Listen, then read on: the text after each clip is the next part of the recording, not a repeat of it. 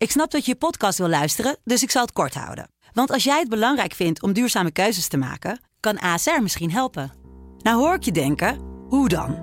Nou, bijvoorbeeld bij het duurzaam herstellen van schade. Of de premies die we beleggen volgens ons duurzaam beleggingsbeleid. Dat bepaalt waar we wel en juist niet in investeren. Wil je meer weten over welke duurzame keuzes ASR maakt? Ga dan naar asr.nl slash duurzame keuzes. ASR doet het. Zo, dan kan je nu lekker naar je podcast luisteren. Dit is Strik Privé, de dagelijkse showbiz-update met Evert Zandgoeds en Jordi Versteegde.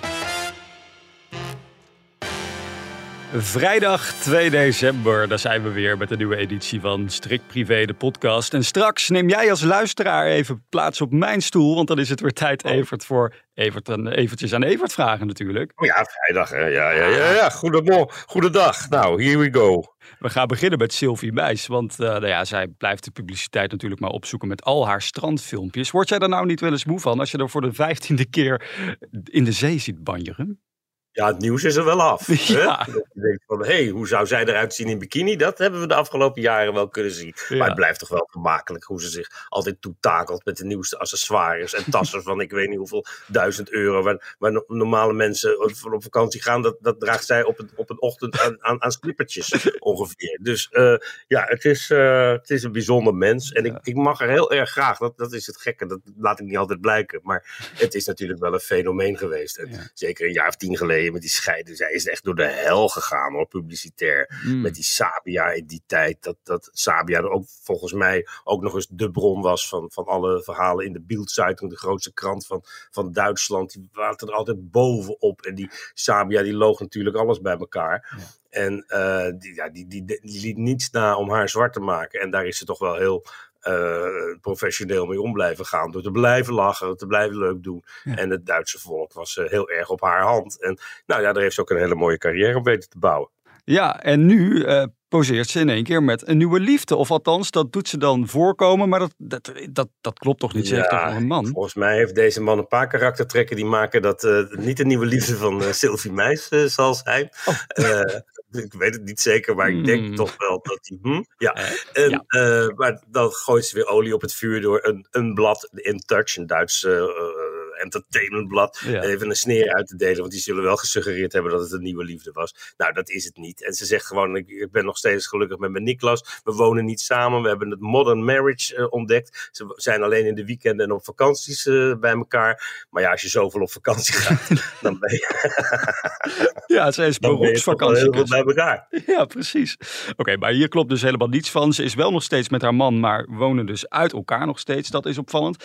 Het valt me wel op dat Sylvie niet zo vaak interviews doet. Wordt dat ons wel eens aangeboden eigenlijk, eh, überhaupt? Nee, alleen als het vasthangt aan, dan moet het ook gaan over de nieuwe lingerie set die bij een heel goedkope supermarktketen wordt aangeboden. Mhm. Of er is een nieuw geurtje, of ze heeft een naam aan, aan, zonnebrillen eh, verbonden. En dan moet het daarover gaan. En dan wordt oogluikend toegestaan dat er één of twee vragen over haarzelf gesteld worden. Ja, daar zijn we op een gegeven moment mee opgehouden. Mhm. Maar dat neemt niet weg dat ik Sylvie een eh, warm hart toedraag. En het knap vind wat zij toch eh, heeft weten te bereiken. 1,4 miljoen volgers heeft zij op Instagram. Mind you, het is ongelooflijk.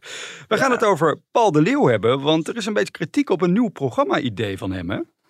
Ja, hij gaat programma maken met, met mensen met een beperking, zowel voor als achter de schermen. En eh, ja, dat, Knoop en de Leeuw. Nou, Knoop, dat, dat doet hij al jaren. Knoop in, hè, dat is het Knoop in je zakdoek platform, wat destijds door Sylvia Millekam eh, eh, begonnen is, wat hij overgenomen heeft. En ja, als ik denk aan programma's van mensen met een beperking, dan valt heel snel de naam Paul de Leeuw natuurlijk. Ja. Die doet dat al jaren. Maar, zegt RTV Oost, we hebben dit voorjaar al een programma gebracht, wat daar heel erg op lijkt. En nu doet Paul of hij het verzonnen heeft. Ja, dat is de ellende met een goed idee. Dat wordt altijd op meerdere plekken tegelijk eh, begonnen. Het is niet dat Paul de Leeuw vorige week bedacht heeft dat hij dit wil gaan doen. Daar is natuurlijk al een tijd aan voorbereiding aan vooraf gegaan voordat het bekendgemaakt wordt. En eh, ja, we hadden destijds twee ijsdansshows. Eh Bo van Ervedorens zegt dit jaar dat hij een programma gaat maken met moeders die spijt hebben dat ze kinderen hebben gekregen. Nou, dat bleek ergens anders ook al aan gewerkt te worden. Dat zie je wel heel vaak. En ik moet zeggen, programma's met mensen met een beperking, dan denk ik toch eerder aan Paul de Leeuw dan aan RTV Oost. Ja. En eh, dat voordeel van de twijfel moet je hem wel geven. Dat deze creatieve programmamaker niet uh, ineens met het idee van een ander er vandoor gaat. En als hij zegt van ja, nee, inderdaad, dat heb ik gezien destijds.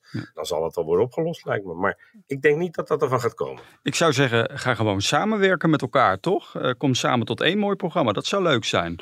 Gisteren hadden we het al even over Danny de Munk. Het was een belangrijke dag voor hem, want de rechter ging beslissen: gaat de vrouw die aangifte van verkrachting tegen hem heeft gedaan onder Ede gehoord worden? En het antwoord daarop, Evert, is ja.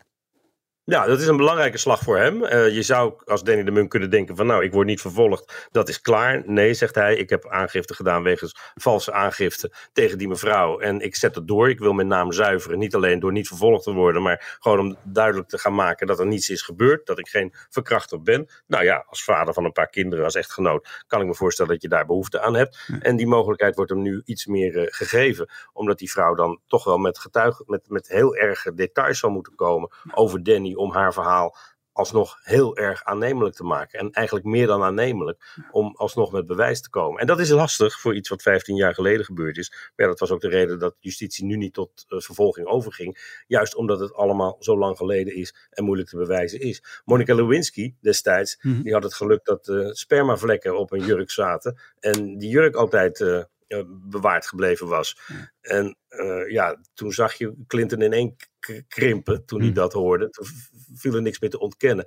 Maar in deze zaak uh, zijn dit soort dingen er niet. Ja, eh, eh, Danny vindt het nog steeds te emotioneel om zelf te reageren. Ik, eh, ik had hem gisteren even op de WhatsApp, maar hij zegt nee, ik ga eerst strijden voor 100% gerechtigheid en dan ga ik een keer een interview doen. Maar hoe dan ook is zijn carrière ja, geschaad hierdoor natuurlijk. En dat hadden we een jaar geleden niet zien aankomen. We gaan naar de documentaire van Harry en Meghan, want we hebben het er eigenlijk al heel vaak over gehad. Maar nu is er ook een trailer uit. Even luisteren. No one sees what's happening behind closed doors. I had to do everything I could to protect my family.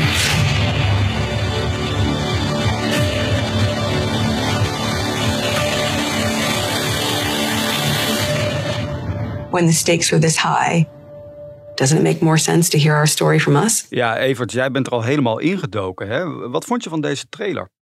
Nou, de Engelse pers heeft het niet meer of niks minder dan een oorlogsverklaring aan, aan de koninklijke familie. Hm. En dat uh, komt door, door, door de blikken, door de montage, door de toon van het verhaal. Dat zij zo zielig zijn en die, en die koninklijke familie zo streng en vervelend. Dat zie je onder andere in boze foto's van een uh, Catherine, zorgvuldig geselecteerd. Dan een huilende Meghan de hele tijd, die heel gedwee achter uh, de, de, de Wales zitten bij een kerkdienst. En hm. Vooral het tijdstip waarop deze trailer uh, wordt gepubliceerd. Dat is tijdens het bezoek wat uh, William en Catherine aan Amerika brengen. Die zijn deze week in Boston aangekomen voor een groot uh, event rond het, het, milieu. Een prijs die William in het leven geroepen heeft. En uh, juist als daar de aandacht op gevestigd zou moeten worden, met zo'n spannende trailer komen. Ja, dat is toch wel een, een, een meesterzet, wat tegelijk als, als intens gemeen. En de Britse pers heeft daar wel een oordeel over. Ja, die vinden dat echt zo laag bij de grond. Het is niet alleen een mes in je rug, maar een mes dat ook nog eens een paar keer rondgedraaid wordt in je rug. Ja, precies. Maar zou het ook niet een fout van Netflix geweest kunnen zijn? Want eh, inderdaad, het zou kunnen dat Harry en Meghan een mes in de rug willen steken. Maar het kan natuurlijk ook zijn dat Netflix niet wist ja, het is misschien on, ondenkelijk, maar goed. Het, ja, ja, ondenkelijk. ja. ja, precies. En dat zij niet het tijdstip bepalen waarop die film te zien is en uh, de trailer dus uh, wordt gepubliceerd, dat geloof ik wel. Maar daar hadden ze in, in, elk geval voor kunnen liggen, of in elk geval de toon van die trailer kunnen aanpassen. Maar die is echt zo van, wij zijn zo zielig en zij zijn zo gemeen. En uh, is ook zo'n zin als, is het niet goed om het van de mensen die het betreft te horen, hoe het allemaal zit. Het is echt van een, een, een ja, het, het, het, ze worden vergeleken met de Kardashians, maar dan ook nog een armoeige versie ervan. Het is echt, uh, de messen worden geslepen. En nu wil ik onderhand weten, wanneer komt die documentaire dan? Want dat is toch steeds... 9 december, meen ik. Dus het, oh. volgende week al. Ja, dus uh, ben benieuwd. Het is bijna weekend, Evert. Maar eerst... Eventjes aan Evert vragen. Dat lijkt me echt een goed plan. Een vraag aan de privéman. Gisteren hadden we het er al over. Twintig jaar zit jij in het vak als hoofdredacteur. En uh, naar aanleiding daarvan, heel veel felicitaties binnengekomen. Allereerst natuurlijk via de mail. Maar heeft Irma de vraag, wat staat er dan eigenlijk nog op jouw wensenlijstje? Wie zou je nog heel graag een keer willen spreken? Nou, het, het twintigste jaar was toevallig wel van een van de meest bewogen jaren. Eh, Ja. De- de- Met natuurlijk al in het begin van het jaar de voice rel. En ja, wat ik wel zou, graag zou willen, of dat gaat lukken, weet ik niet, is eh, toch met een paar eh, hoofdrolspelers daaruit terugkijken op wat dit jaar en die, en die rel met ze gedaan heeft. En of dat gaat lukken, dat weet je nooit. Maar dat staat wel heel hoog op mijn lijstje voor, eh, voor dit jaar eh, af te sluiten in elk geval. Ja. Nou ja, en het jaar is nog maar kort, dus dat zit eraan te komen, Evert. Maar eerst maandag, dan zijn wij er weer met een nieuwe Strik Privé podcast. Ik wens jullie een heel mooi weekend. Tot dan.